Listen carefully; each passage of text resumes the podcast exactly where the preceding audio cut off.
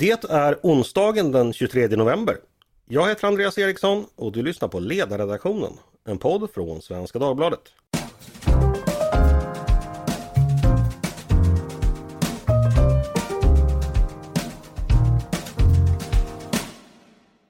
Varmt välkomna ska ni vara. Idag har det blivit dags för att återigen prata om Liberalerna här i podden. Och då förstår alla som lyssnar att jag är som ett barn på julafton. Jag är som en ko på grönbete, som en Fifa-delegat när han ser oljepengar eller som Björn Söder när han äntligen upptäcker den där sillamackan. Äntligen ska vi diskutera livets realiteter, nämligen Liberalerna. Hur går det för partiet? Vad bråkar de om just nu? Eller för att parafrasera Christian Lok, vart är de på väg? I helgen är det dags för landsmöte för partiet och det är helt enkelt partiets högsta beslutande organ.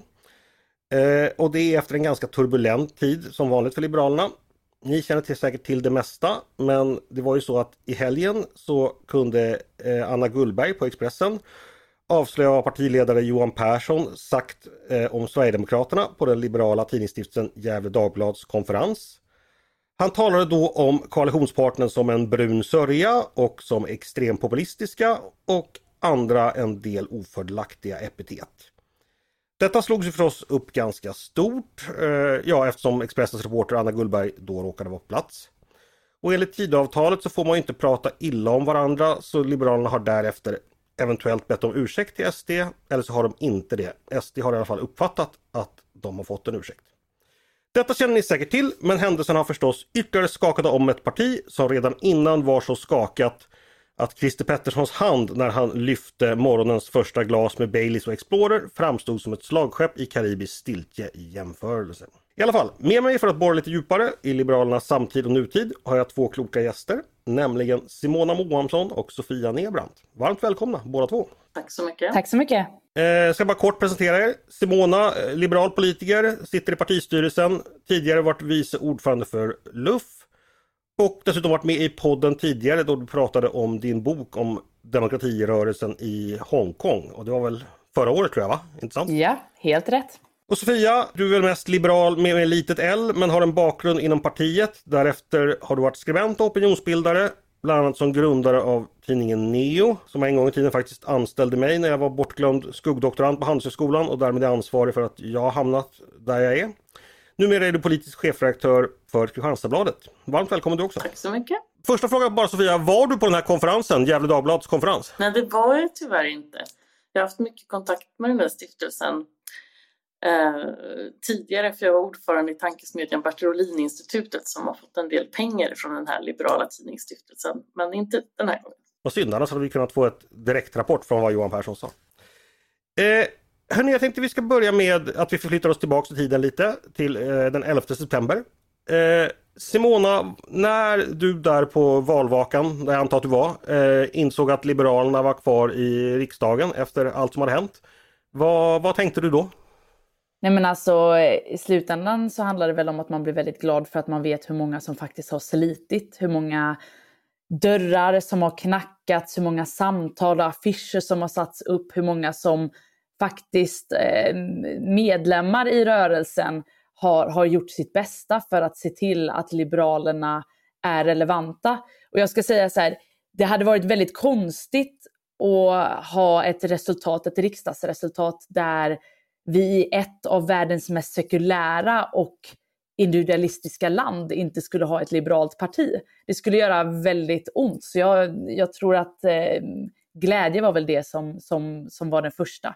Sen var det väl problematiskt att fortsätta se Sverigedemokraternas ökande valresultat. Eh, men, men först var det att pysta ut eh, för att vi faktiskt mm. klarade riksdagsspärren.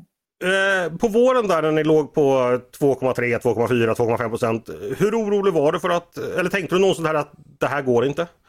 Nej, men det, alltså jag tycker att man ska orolig. Jag tycker att man, det är klart att man ska ha självinsikt och jag tror att många har pratat om att Liberalernas problem är ibland att vi har svårt att komma ut i reformer eller att det är personfråga. Men jag tror att i slutändan det som var, var problemet i våras var ju att det var opinionssiffrorna som var så, var så pass dåliga att det skapade liksom en, en, ett dåligt självförtroende och därmed också en stress internt.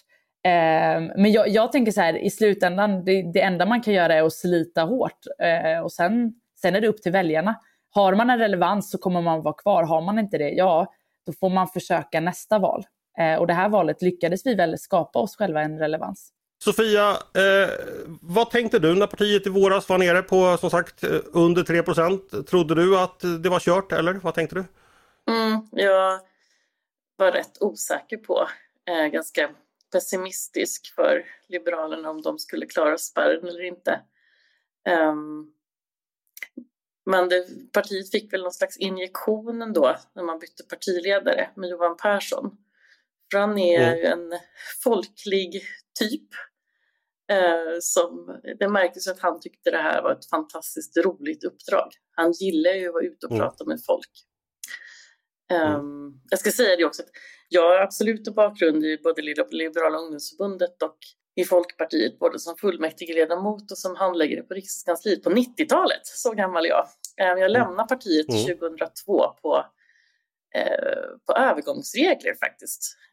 Um, mm. eh, men liberal är men jag är inte partist nu för tiden. Nej, nej, nej, nej det precis. Eh, men du vet, du, man kommer aldrig undan sitt liberala förflutna. Hörni, vi ska prata snart mer om Jan Persson. Jag ska bara påminna lyssnarna om att jag tvivlade aldrig. Eh, vi hade ju en uppkäft, jag har en uppkäftig kollega som heter Peter Wennblad som svor i somras att partiet skulle åka ur och han och jag slog vad om en flaska gin. Och den flaskan gin står numera i mitt barskåp och den smuttar jag på ibland och tänker på Peter. Åh, oh, vad trevligt. Vad var det för gin då, är den stora frågan. Det är, en, det är en sån där fin gin eh, som, som är kommit i en ganska liten flaska som man bara tar lite av i taget. Och ja, men någon sån där svensk hantverksgin. Peter är ju en fin smakare som, som ni vet. Men eh, den är god i alla fall. Eh, och den dricker jag bara när jag, när jag liksom känner mig extra, vill känna mig extra upplyft. Just det. Ja, men nästa, nästa val är jag gärna också med i den bettingen. Om det är gin ja, involverat. Lura på, lura på Peter, han tror säkert fel, kommer säkert tro fel då också. Men hörni, vi ska gå och prata, eh, inte om gin utan om partiet. Eh, partiet blev ju kvar och inte bara det. Numera sitter man i regeringen. Dock en regering, som, en regering som är beroende av och har ett nära samarbete med Sverigedemokraterna i en rad frågor. Som som bekant regleras av Tidöavtalet.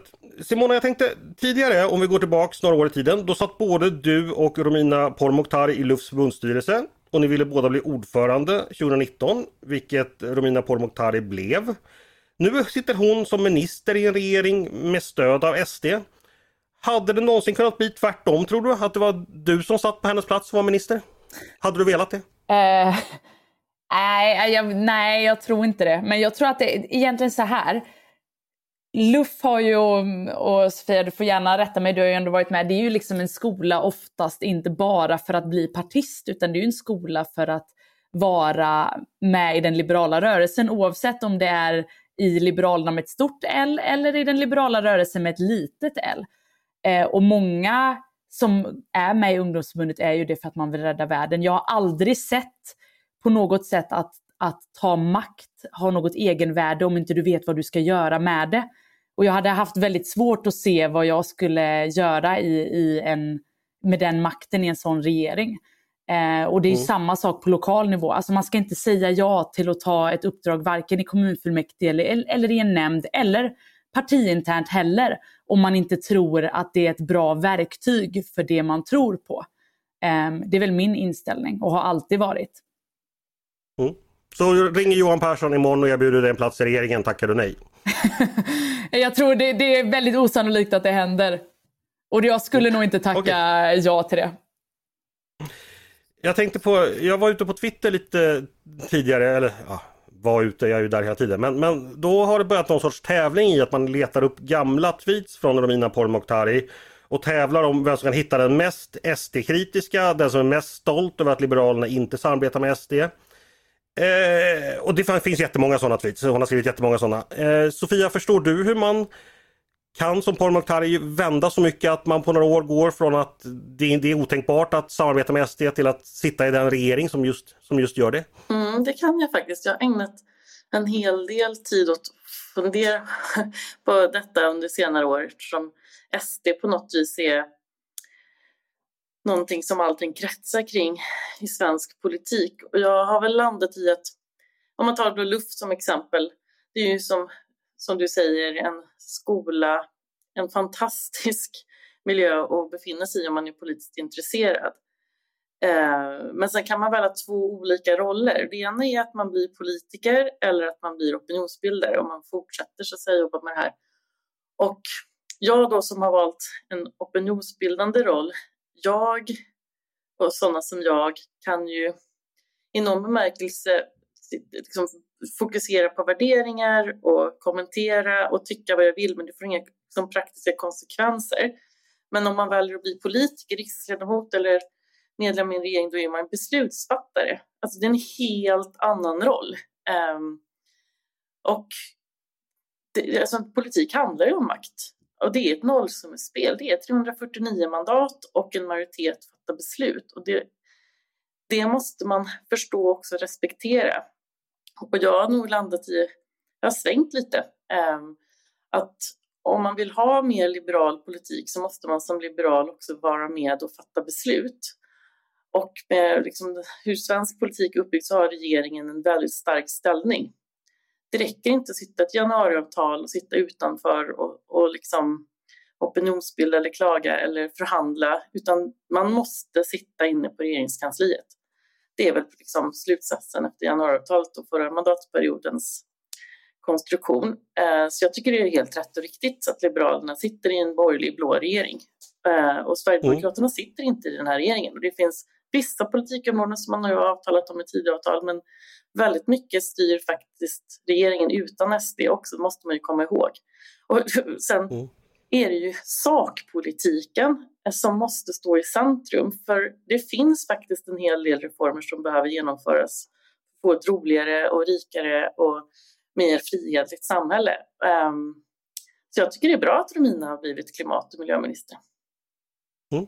Romina har valt, eh, Paul Mokhtari har valt rätt väg tycker Sofia och, och låter som du har gjort en liknande resa. Ni, ni kanske har gjort liknande resor, vad vet jag. Eh, Simona, vad tänker du när du hör Sofias resonemang om eh, va, va, att makten kan vara värd ganska mycket ibland? Nej men jag tvekar inte på att de här, alltså det är fantastiskt om det är så att eh, politik hade varit så enkelt att man bara kan ta fram gamla tweets av någon och säga men det här tyckte du, för jag tror inte att Romina har ändrat sig och jag, vi kommer väl senare kanske liksom ha en diskussion generellt om, om förhållandet mellan Liberalerna och Sverigedemokraterna. Det är ju fortfarande så att Sverigedemokraterna ser Liberalerna som det partiet som är längst ifrån och detsamma ser ju även Liberalerna. Så det är egentligen ingenting som har förändrats. Det är ju bara den här avvägningen man som politiker eller en, en person som vill vara med och förändra världen behöver sättas inför var, var, var tror jag att jag kan göra mest skillnad? Eh, och det är väl, den får ju liksom varje politiker eller varje opinionsbildare, varje person som vill engagera sig bestämma. Och ibland kan det vara så att det får en att landa i att bli minister och ibland kan det vara så att man landar i, på GPs ledarsida eller att vara lokalpolitiker. Och jag tror inte att man ska liksom eh, så här, nedvärdera något av det för att vi behöver alla de här olika delarna för att både en liberal rörelse ska funka men också för att en demokrati ska funka. Eh, vi kan inte sluta mm. med bara superpragmatiska politiker som, eh, som alltid, liksom, som man inte vet vad de har tyckt ideologiskt, men vi kan inte heller ha bara helt renlärda politiker eller som blir opinionsbildare. Liksom. Något däremellan. Mm. Men Simona, en rak fråga. Tycker du partiet gjorde rätt som valde att gå till val som en del i ett borgerligt alternativ som får stöd av Sverigedemokraterna och därefter så att säga fullfölja det och förhandla med Sverigedemokraterna? Alltså jag tycker att eh, vi hade väldigt tydliga röda linjer och jag tycker fortfarande att den tydligaste röda linjen det handlade om att Sverigedemokraterna inte skulle vara i regeringen. Och den röda linjen har vi hållit fast vid. Jag hade önskat att vi hade haft mer, eh, mer förtroende. Jag hade också önskat att vi hade haft ett närmare förhandlingar med Centerpartiet. För jag tycker att man som liberal politiker också har ett ansvar för liberalismen i stort. Och jag tycker att det är problematiskt att vi och Centerpartiet inte i, i mycket större utsträckning haft en närmare relation och samarbetat utan istället konkurrerat under valrörelsen. Jag tror att det är dåligt för liberalismen i stort och för, för mm. liksom, ja. Det håller jag verkligen med om. Jag har under olika tillfällen i ganska många år argumenterat för att man borde slå ihop Centerpartiet och Liberalerna även om det finns jättestora kulturella skillnader. Men eh, det är ju ändå så att det är bara ungefär 10 procent av svenska folket som idag röstar på något av de här partierna och den liksom, parlamentariska liberalismen måste bli starkare. För problemet som jag ser är ju egentligen inte att SD är så stort eller att vänstern också har blivit stor och mer radikalt åt vänster, det är ju att svensk liberalism är för svag. Alltså både vad gäller antal mandat i riksdagen men också i, alltså man får ju rikta kritik mot opinionsbildning-Sverige där jag själv ingår, att det finns inte så stor efterfrågan på frihetliga reformer. Um, det ser man ju också i den här borgerliga regeringen. Vi hoppas att de kommer vara lite mer frimodiga framöver och faktiskt reformera saker som behövs göras i det här landet. Uh, men det, det, mm. det, det liksom avgörs ju också då i, ja, i kampen om verklighetsbilden om vad som behöver göras. Nu är det väldigt mm. mycket ordning men vi kommer ju från en period då med flera decennier av liberaliseringar på väldigt många håll. Som då uppenbarligen väldigt många eh, väljare och, och ja, stora väljargrupper helt enkelt tyckte har gått för långt. Och nu har vi någon sorts eh, våg som går tillbaka i mer ja, man vill tillbaka till det som var helt enkelt. Det är väl inte bara i Sverige egentligen vi ser den. Så att, Fast de där liberaliseringarna mm. gjordes ju på 90-talet alltså, och sen under alliansregeringen. Men sossarna har ju verkligen återställt eller gjort någonting mm. de sista åtta åren. Den här stagnationen och rena krishanteringen som de har ägnat sig åt. Det är, det är otroligt kostsamt för vi måste anpassa oss vad gäller skatter och arbetsmarknad och sådana saker som vi inte pratar så mycket om. Plus att jag tycker att vänstern på tok för mycket för att definiera liksom problemen, för de gillar inte valfrihet och så hittar de en massa problem. Det är klart man kan skruva i systemen i grund och botten så är väl den här valfriheten som väldigt många utnyttjar i äldreomsorg och skola, så det är i grunden någonting oerhört bra. Men hörni, vi ska prata om Liberalerna nu. Eh, och då tänkte jag be dig Simona, eh, jag har en fråga. Du dök upp lite i pressen eh, för ungefär en månad sedan, efter, eller ungefär efter att Tidöavtalet hade blivit offentligt. Jag skulle bara be dig förklara hur, hur det var. Du hade skrivit ett internt brev där du hävdade och det, Aftonbladet citerade då där att eh, det var olyckligt, odemokratiskt och visade på bristande ledarskap hur, hur liksom eh, Tidöavtalet kommit fram om jag förstod det.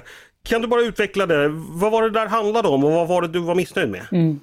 Nej, men jag, jag ville lyfta internt en diskussion kring just förankringsprocesserna i partiet. Och sen så, så är jag väldigt besviken över att det här mejlet nådde utanför den slutna kretsen. Men, men det som var hela syftet var att just så här, lyfta frågor kring, vi är ett, ett parti som i många avseenden eh, organisatoriskt behöver liksom uppbiffning, som behöver träna för 2026 eller till och med ännu längre fram för att kunna klara det.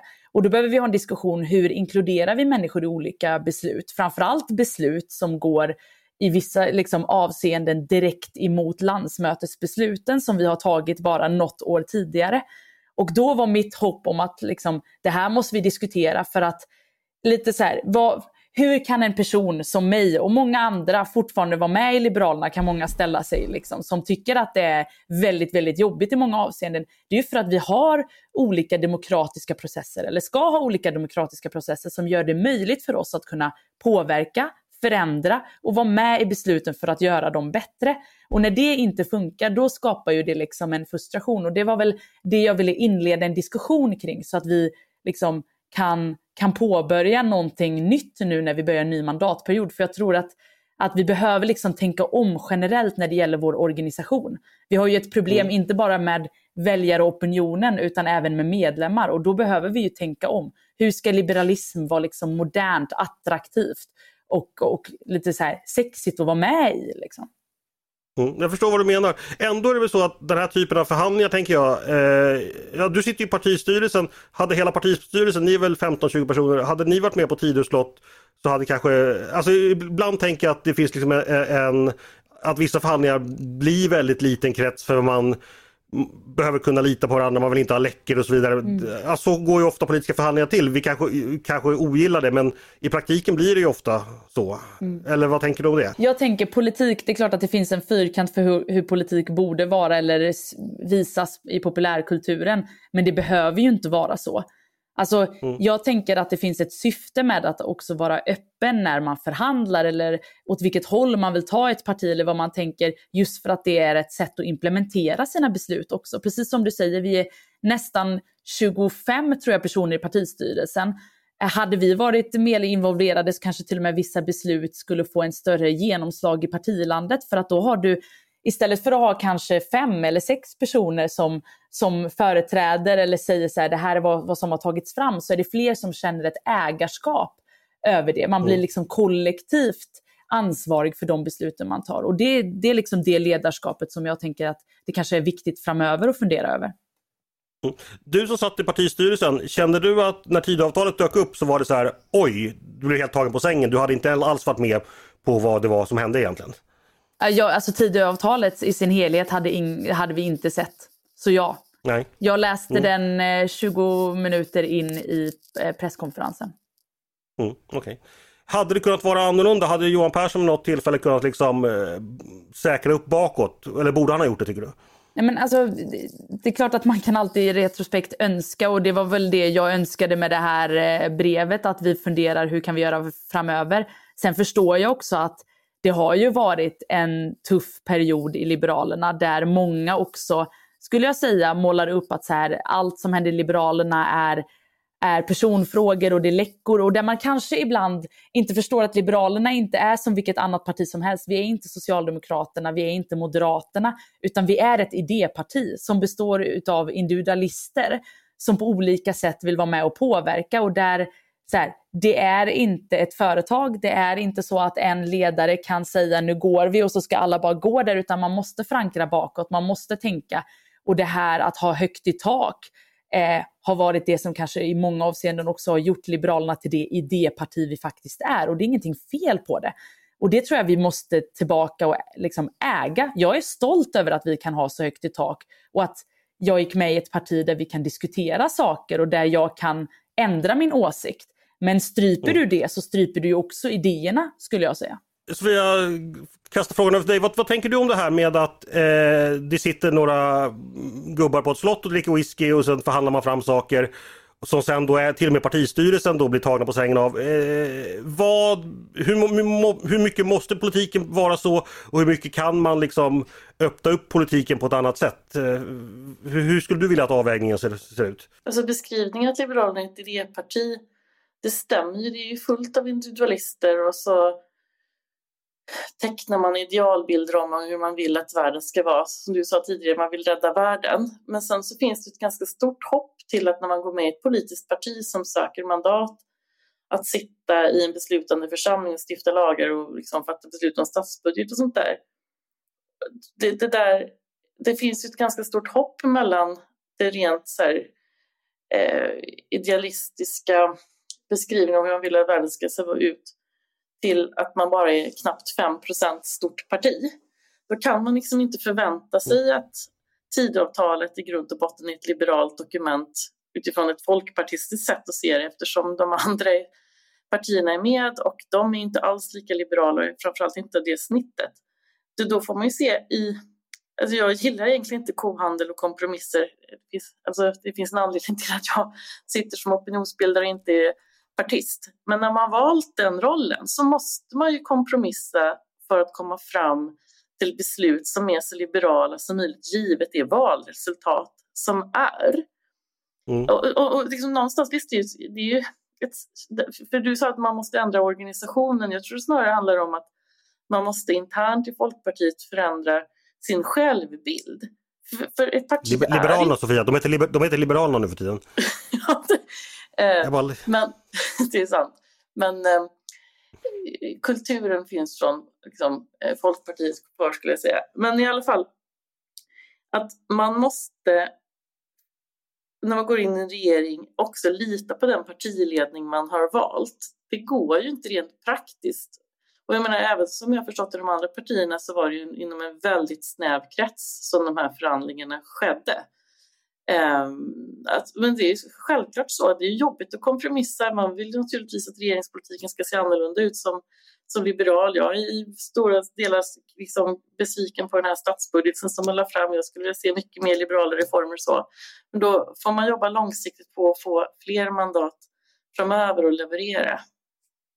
Okej. Okay men... Så det låter ändå som... Ja, Simona, vad skulle Nej, du säga? För, för jag tänker bara, och jag förstår helt, det är klart att man inte har varken den praktiska tiden, men ett, ta ett exempel när det var januariavtalet så hade man ju ändå, alltså då hade man ju till och med öppna debatter om det där där vi i partiet liksom på olika sätt fick, fick debattera frågan, fick gå upp där. Bland annat Johan Persson själv fick gå upp och argumentera emot januariavtalet. Nu säger jag inte att vi skulle behövt göra exakt samma sak. Men, men det handlar ju om, alltså i slutändan, om man låter sig hela tiden bli inmejslad i den här formen av vad politik ska vara så kanske det kommer vara så att man slutar upp att vara som Moderaterna eller Socialdemokraterna.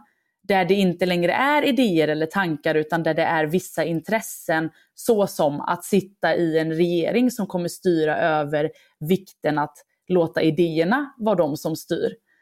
Um, och jag, jag, tror absolut att man kan ha, ha båda. Sen kanske man behöver, som du säger, ha förtroende för varandra, men det går ju också båda vägarna. Det går ju både att ha förtroende för den som är ledningen, men också för sina medlemmar och de som ska vara med och bära medlemmarnas förtroende.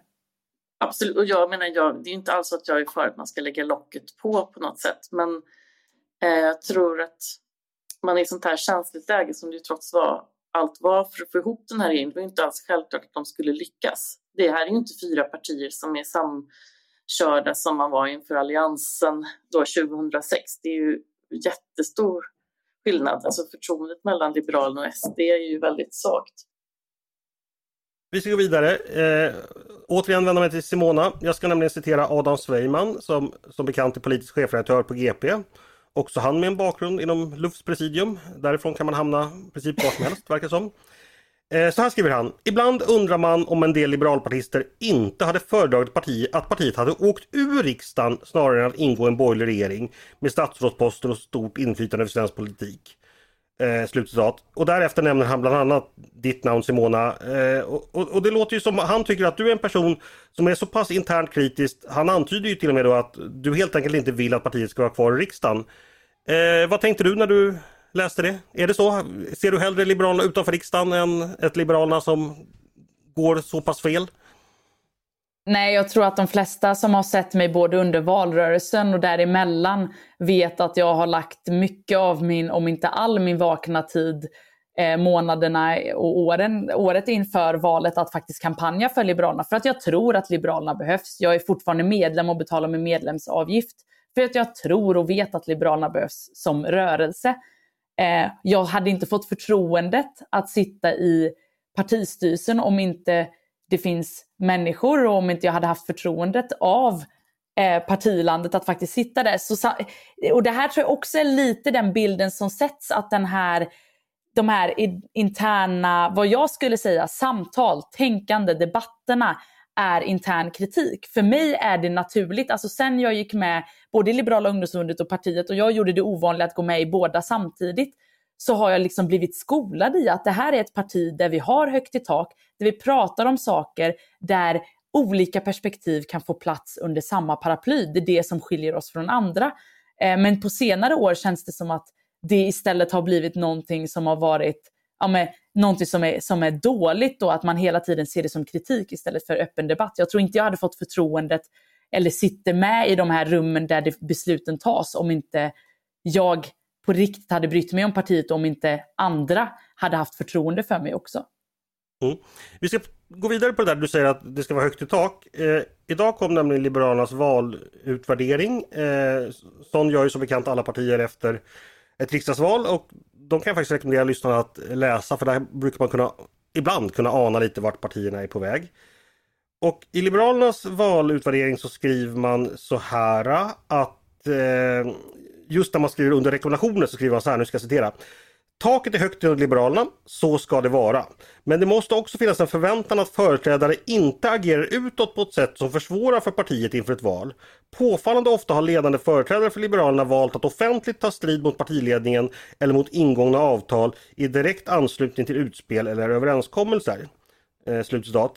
Det låter ju nästan som den här valutvärderingen tycker att det helt enkelt har varit för bråkigt och för många, eh, ja, nu vet jag inte om det syftar på dig eh, Simona, det syftar säkert på många, men, men vad tänker du eh, om att man skriver det så explicit att helt enkelt har det varit för mycket tjafs i vissa fall? Är man fel ute där från valberedningen eller valutvärderingens sida eller vad har du för åsikt?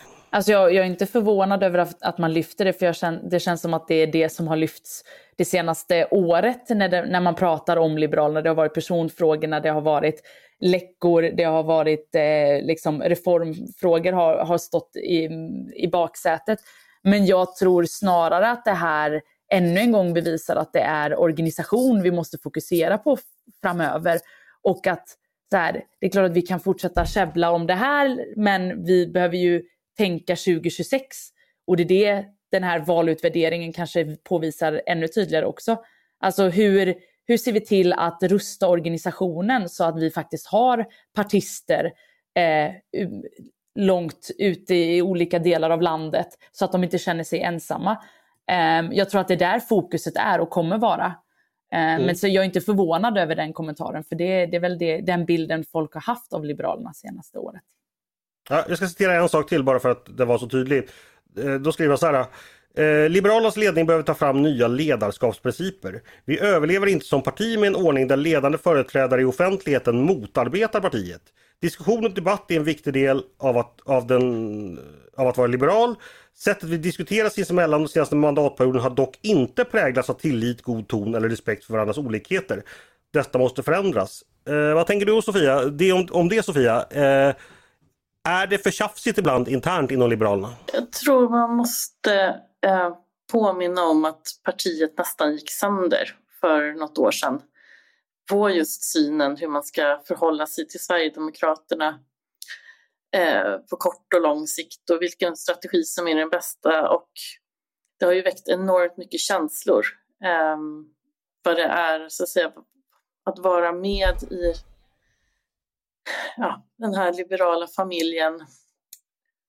Och det var ju en stor minoritet som var väldigt kraftigt kritiska till den linje som sen kommer att bli rådande.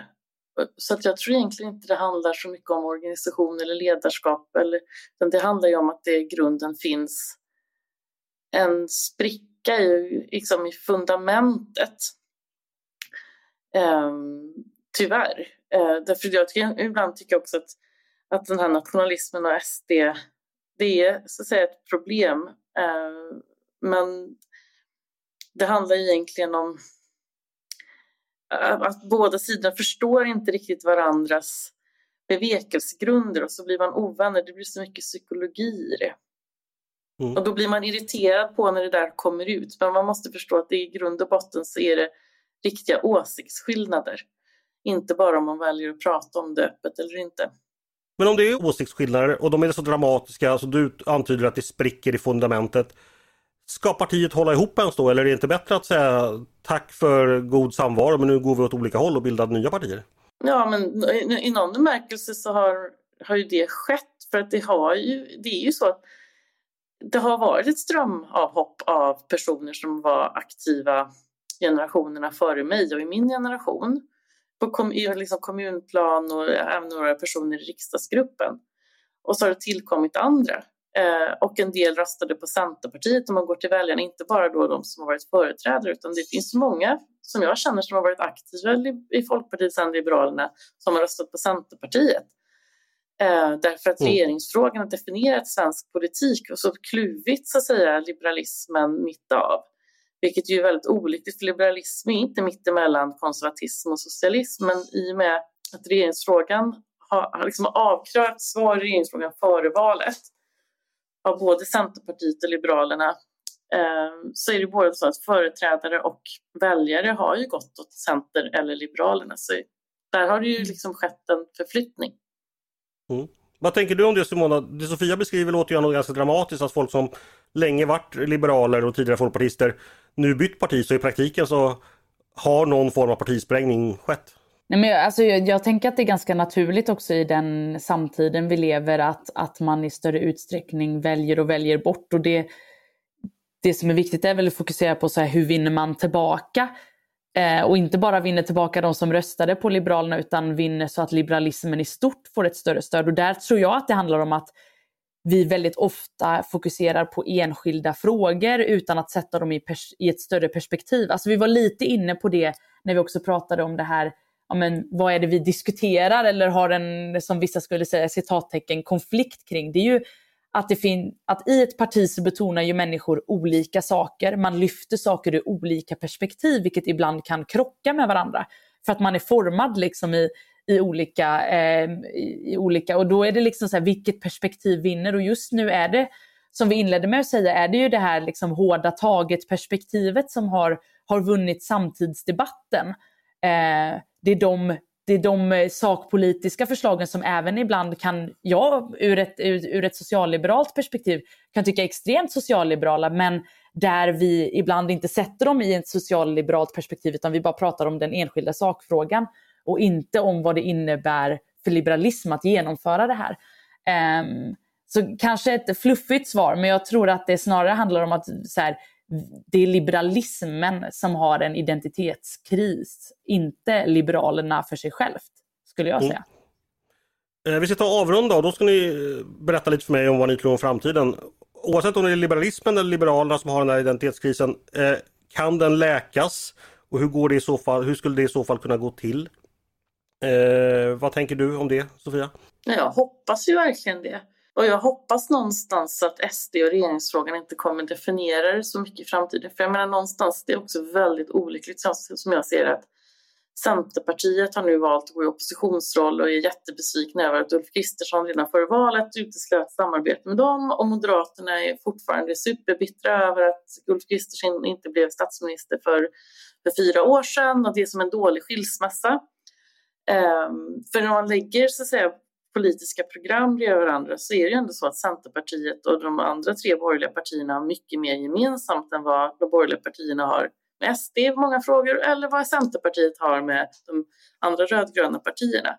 Så jag hoppas ju att, att, att eh, på något slags mänskligt plan att svensk politik blir att man kan liksom sansa sig lite och att de här känslomässiga eh, svallvågorna lugnar ner sig lite så att man kan eh, komma fram till vettiga och förnuftiga beslut. För det är klart att Sverige skulle ju må bra av en starkare liberal borgerlighet. Ja, jag tror att det är möjligt, men jag tror också att, de, alltså, att det finns en massa aktörer utanför liksom, partipolitiken som måste bli mer tongivande liksom, för liberala idéer och grundvärderingar, inte bara vara emot. För nu är liksom allting bara mot och det är pessimism och det är negativt och det är missnöje och det är svartvitt. Liksom. Det är hårda tider. Simona, om du får avsluta då. Vad tror du om eh, partiets framtid och, och eh, möjligheterna till eh, försoning? Jag är ju en obotlig optimist och vet att det finns väldigt många i partiet som är, försöker vara konstruktiva och försöker vara den tänkande kraften. För i slutändan tänker jag att jag, jag tror att eh, Sverige behöver eh, ett socialliberalt parti som sätter de svagas röster först, som fokuserar på EU-frågan och som tycker att internationalism är viktigt. Och där tror jag att vi har en avgörande roll. Jag tror att blickar vi framåt så har vi nu möjligheten att forma kommande års politik. Nu har det varit väldigt mycket diskussion om vad som finns i Tidöavtalet och inte, men nu behöver ju vi börja internt i partiet och forma politiken för 2026. Eh, och där tror jag också att vi kommer vinna på att ha ett EP-val eh, kommandes, för det brukar försona alla. Alla liberaler älskar EU, det, det tror jag inte finns någon eh, konflikt kring. Så jag, jag är optimistisk och jag tror att det finns väldigt mycket bra energi kring att försöka skapa ny reform, nya reformer framöver. Vågar du satsa en flaska gin på det? Jag vågar till och med satsa min bästa flaska gin ska jag säga dig. Och jag är ändå också en ginfantast. Så ja, jag är, jag är beredd att satsa min tyska eh, flaska gin på det här. Jag sätter inte emot, jag är också optimist. ja, men då avslutar vi podden med det, med eh, lite spritromantik. Det var lite oväntat när vi pratade Liberalerna, men så kan det gå. Eh, stort tack Simona Moansson och Sofia Nebrant för att ni ville komma till podden och prata Liberalerna med mig. Tack så mycket. Tack så mycket Andreas. Jag är så otroligt tacksam över att vara med i din utomordentliga podd som jag lyssnar på nästan varenda dag. Vad roligt att höra. Där hör ni, ni som lyssnar på Ledarredaktionen, en podd från Svenska Dagbladet, att eh, ni är inte ensamma om att göra det. Även Sofia Nebrant gör det. Ni är som vanligt varmt välkomna att höra av er till redaktionen med era tankar och synpunkter på det vi precis har diskuterat. Eller om ni har idéer och förslag på det vi ska ta upp i framtiden. Ni behöver inte rekommendera mig att ta upp Liberalerna i framtiden, för det kommer jag göra ändå. Men annars är det bara att mejla till ledarsidan snabla svd.se. Dagens producent, han heter Jesper Sandström. Själv heter jag Andreas Eriksson och jag hoppas att vi hörs igen snart.